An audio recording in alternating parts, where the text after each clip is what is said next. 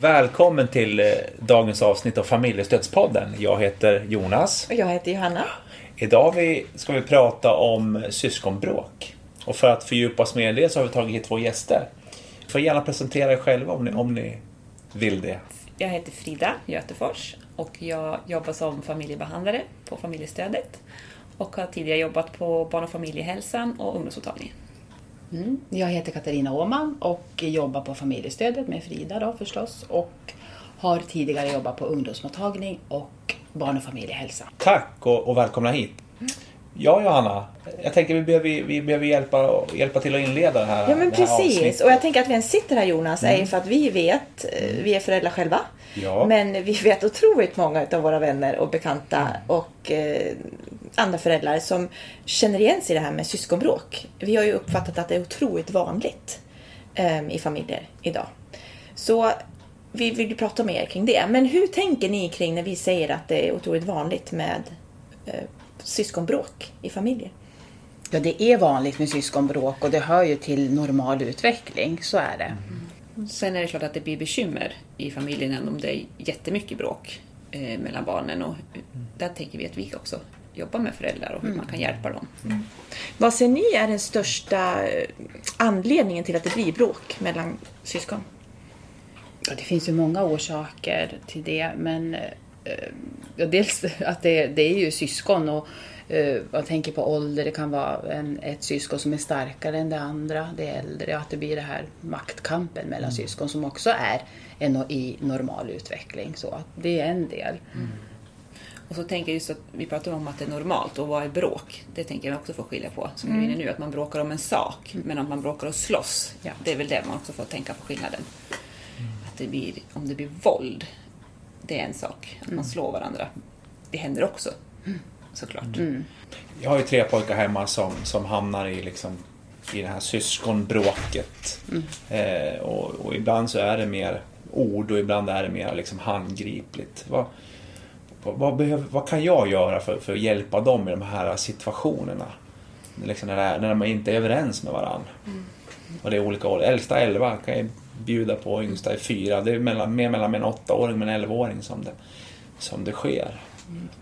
Det finns ju att, att just att det här att, jobb, jag ska säga, att göra saker lite förebyggande och det är ju det här att ge tid till barnen kanske när vi kommer hem från, från jobbet och direkt eh, liksom att inte forcera in i köket och börja laga mat på en gång utan kanske ge barnen tid, kanske ge 10-15 minuter, sätta sig med barnen. Det är ju ett sätt att, att kunna förebygga, kanske. Ibland funkar det, ibland funkar det inte, för så är det ju också. Men det, det ger ju bättre förutsättningar till att barnen får tanka på och, och få vår uppmärksamhet. Men just att hitta den här tiden innan. Eller om, om man märker att man hör att de är i vardagsrummet och så hör man att nu börjar det trappas upp något. Många gånger kanske vi bara står kvar där i köket och lagar den här maten och så ropar vi bara sluta nu.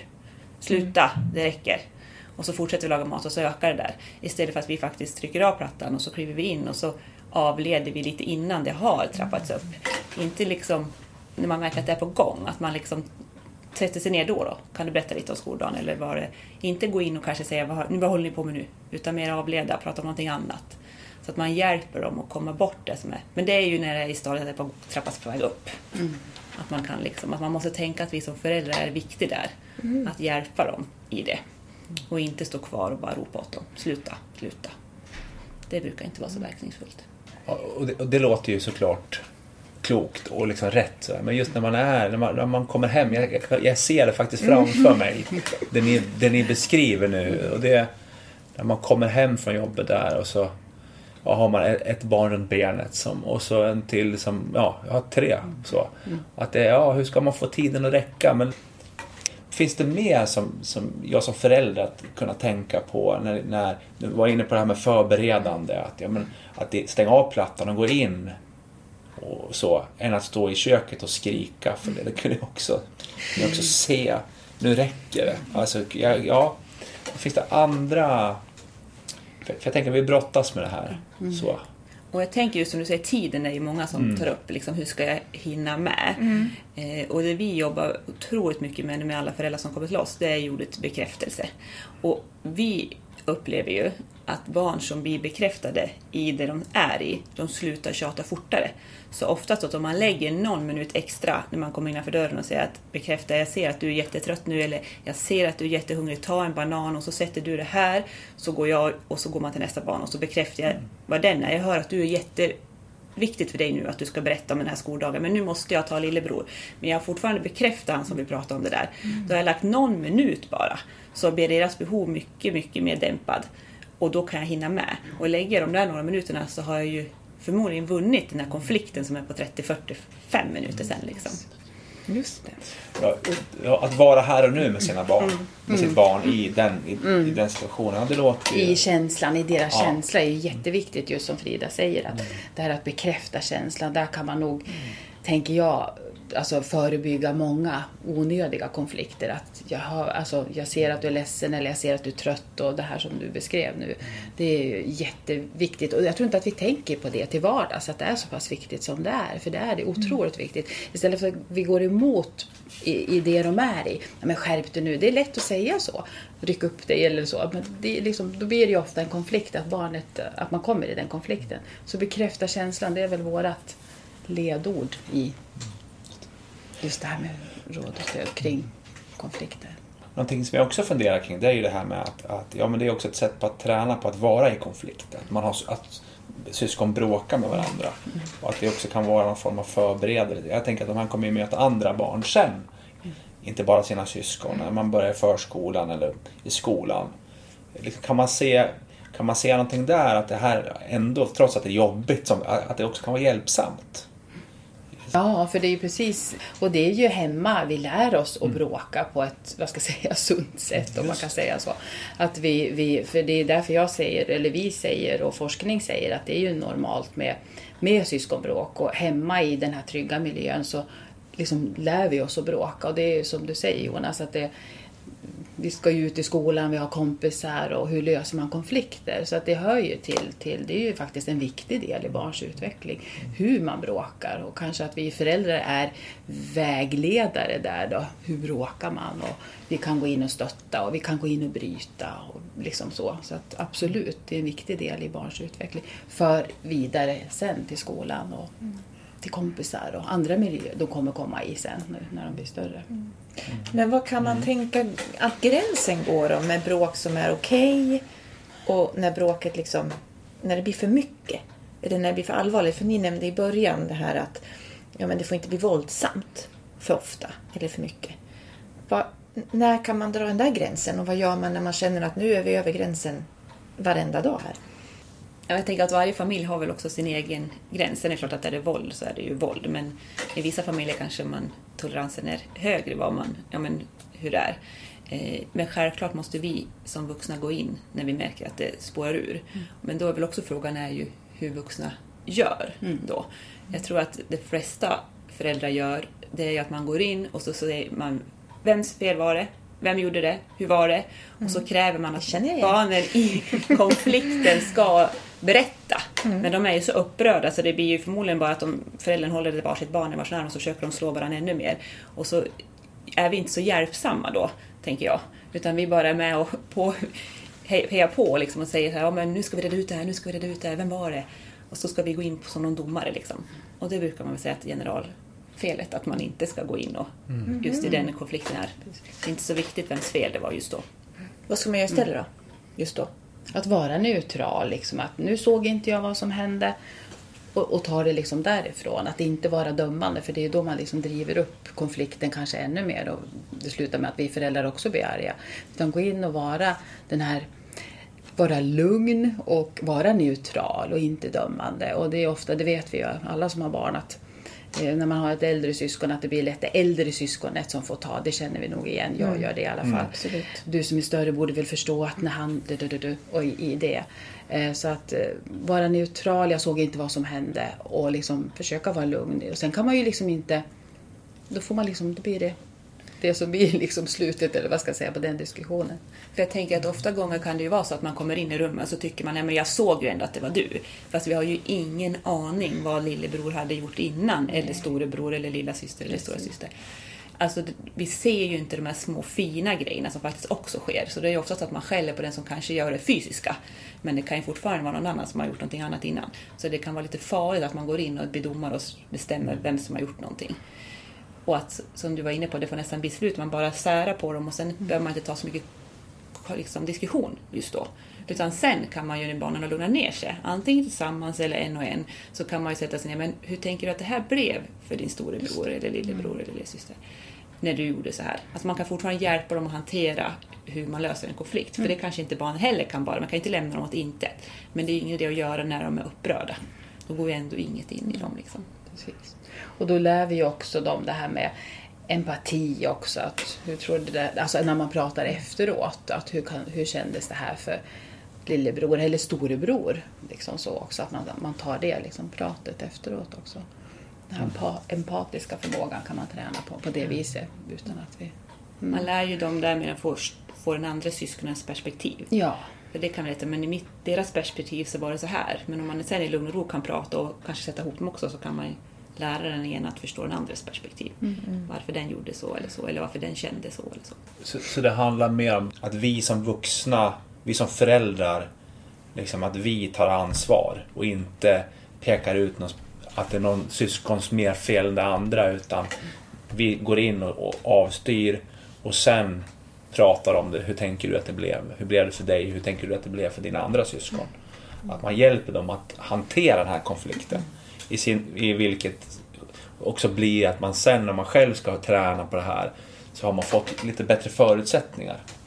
Sen tänker vi, Katarina, vi pratar ju mycket om det också att där barnet gör, det får man uppmärksamhet för. Så får man hela tiden uppmärksamhet för att du gör det, du startar det här, eller du, nu satt du inte still, eller nu, nu pillar du på lilla syster igen, eller nu gjorde du si eller så. Så ko- kommer jag fortsätta med det. För det är, så funkar våra barn. Att det vi hela tiden får uppmärksamhet, även om det är dåligt, så då kan vi inte riktigt, så vi fortsätter med samma sak. Så där blir ju avledningen ännu viktigare att när man ser att de är på väg istället för att kritisera, kanske bara strunta inte, kommentera det och så avleda så att den inte gör nästa steg. För att får den bara göra nästa steg så kommer den få skäll igen och så blir det, då har man gått igång. Då är det igång. Bra. Men jag tänker också att i andra avsnitt har vi pratat väldigt mycket om också det här vad stor roll vi har som föräldrar. Hur mycket vi påverkar våra barn, hur mycket våra egna erfarenheter av föräldraskap påverkar föräldraskap. Och då tänker jag så här, är det samma sak med syskonbråk? Att det är mycket beroende på hur vi föräldrar mår, vad vi har för relation till varandra. Många lever i relation, vare sig det är sambo eller exmake eller vad det än är. Är det någonting ni ser? Att föräldrarnas mående och interaktion med varandra även kan öka eller minska syskonbråk i familjen? Ja, men så tänker jag. Så att precis jag tänkte på det. Nu lägger vi fram att då ska ni ha det lugn och ro och så ska ni göra så. Och det är bra att du tar upp det för jag tänker verkligheten ser inte alltid ut så. Utan vi är föräldrar, vi är också hungriga och vi är också stressade. Eller vi är arga på vår partner och så kommer barnet och bråkar och så då skriker vi ännu mer. Liksom. Och det är ju också mänskligt, tänker jag. Det, är liksom, det finns ju ingen som klarar av att göra det vi säger fullt ut. Eh, men jag tänker att ju mer man kan tänka och reflektera på det och hur, hur bemöter vi den här konflikten så kan det minska. Liksom. Och vi brukar väl säga att man som vuxen när man känner att oj nu håller jag på att tappa det. Då ska jag gå och ta en time-out. Alltså då kanske jag bara ska lämna dem i fred. Bara jag kollat att de inte slår varandra allt för mycket. Så kanske jag ska lämna dem i fred för att gå och andas och ta det lugnt för att sen kunna komma in i rummet och prata med dem. För det blir inte hjälpsamt att jag är jättestressad och bara kommer in i vardagsrummet och skriker åt dem.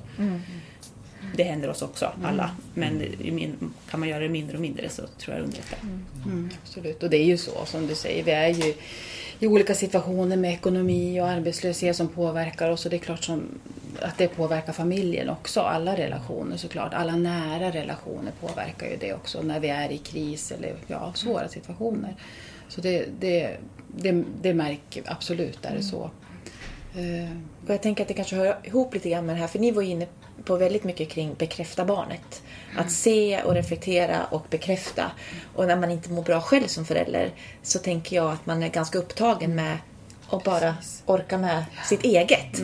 Och det är kanske är därför konflikter eskalerar också, för man missar den där bekräftelsen och vara med barnet. Precis. Och det där känner ju barnet av. Om jag är väldigt upptagen av mig själv eller jag är väldigt, man blir ju frånvarande fast man är närvarande då också. Det. kan också absolut vara en liksom, att det blir mer lättantändligt i familjen. Så helt klart är det så. Och det lever vi och det klarar vi. Barn klarar det och man går i och ur det här och så är livet. Absolut, så, så är det.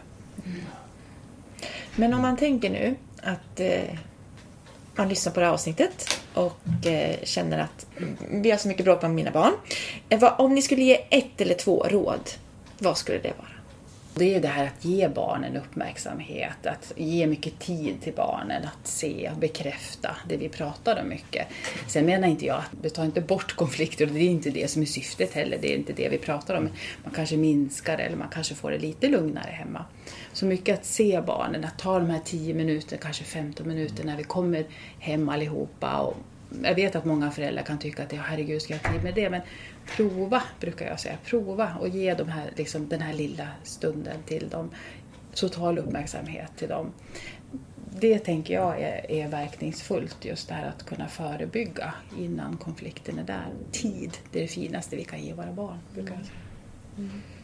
Jag tänkte också tid, just utifrån att det, vi brukar prata mycket om att barnen vill ha uppmärksamhet i standardord som folk använder hemma. Vi pratar mer om att de har ett behov. De har ett behov av oss vuxna att fylla på sin, som vi kallar det, känslobägare. När de kommer hem från skolan och har varit uppfylld med konflikter i skolvärlden och varit saker med lärare, så har de ett behov av sin vuxna att kanske få fylla på sin känslobägare. När de inte får det, vilket vi inte heller alltid kan ge såklart, för det beror på hur vår situation ser ut. Men om man får det lite, då är det också större risk att jag går och slår till min syster eller bror eller någonting för att jag har ett behov av någonting. Så kan vi någonstans ta oss tid och ge varje barn lite grann så tror jag också att det minskar lite. Så. Mm. Och annars blir ju tipset när det har hänt att gå in och försöka bara, inte liksom medla så mycket utan bara lugnt avleda, inte använda så mycket ord. Mm. Om man skulle vilja ha ännu mer råd och stöd ifrån er, eh, kan man vända sig direkt till er då? Absolut, då kan man ringa till oss på familjestödet på vårt direktnummer 026 17 89 66. Man kan också kolla in vår Facebook-sida eh, för förebyggande enheten. Där kan man skicka privata meddelanden eller på väggen. Mm. Och sen så har ni också en hemsida. Sen har vi också en hemsida. Där har ni ett, vi har också ett kontaktformulär som man kan fylla i och som man vill bli uppringd. Då fyller man i bara uppgifter så ringer vi upp. Toppen. Bra. Sympatiskt tycker jag att man också kan bli uppringd om man tycker att det är svårt. Så det är jätte, jättebra. Tack för att ni ville vara med i, i det här avsnittet. Tack så mycket. Tack för att du fick komma. Tack.